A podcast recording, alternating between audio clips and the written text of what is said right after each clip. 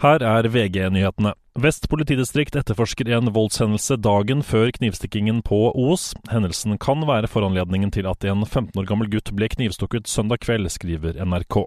Nato har ingen planer om å sende soldater til Ukraina. Det sier generalsekretær Jens Stoltenberg etter at Frankrikes president sa de ikke kunne utelukke det. Samtidig som Stoltenberg utelukket bakkesoldater, understreket han at dette er en angrepskrig fra Russland mot Ukraina som bryter med internasjonal rett. Kreml-talsmann Dmitrij Peskov sier det at man i det hele tatt diskuterer å sende soldater er et viktig element, og at det i så fall vil bli en direkte konflikt mellom Russland og Nato. Reporter Frode Sti. Klas Brede Bråten forlater norsk idrett når han slutter i Norges Skiforbund om en måned. Han er ansatt som daglig leder i et selskap som jobber med sikring av norske veier.